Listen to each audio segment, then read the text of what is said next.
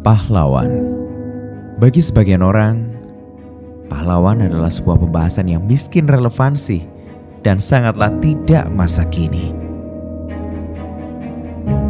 Pahlawan mungkin kini hanya sekedar pembahasan usang bermakna gersang. Tapi tanpa mereka, hari ini kita tidak akan mungkin sepongah ini. Merah putih tak akan berkibar segagah ini dan selebrasi. Tak mungkin segempita ini. Bisa jadi mereka tidak butuh dikenang, tak butuh dirayakan,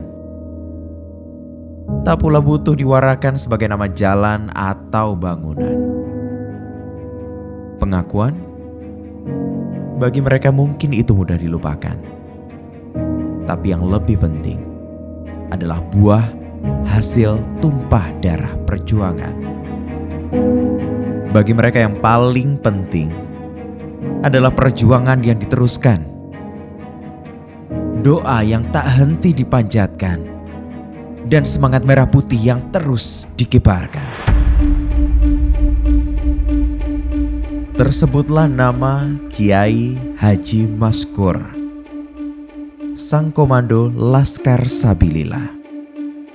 Memang namanya bukan sebuah nama yang besar, tapi jasanya bukan hanya sekedar besar. Kiai Haji Maskur adalah pematik dan juga pembakar semangat Laskar Sabilillah yang berisi barisan para santri dan laskar pemuda. Menjelang pertempuran 10 November 1945, barisan Laskar Sabilillah dari Malang bergerak cepat menuju Surabaya.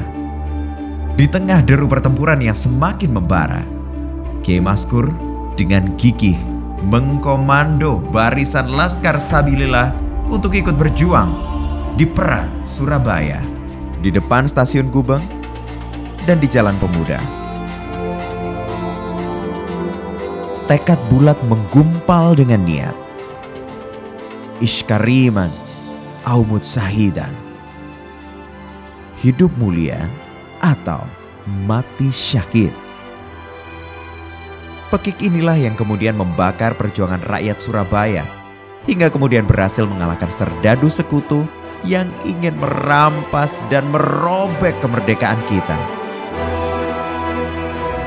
Di panggung perjuangan rakyat 10 November Kiai Maskur mencatatkan pengabdiannya. Usianya boleh saja hanya sampai di angka 90, tapi perjuangannya akan tetap dikenang. Perjuangan seorang Mbah Bungkuk dari Singosari, Kabupaten Malang.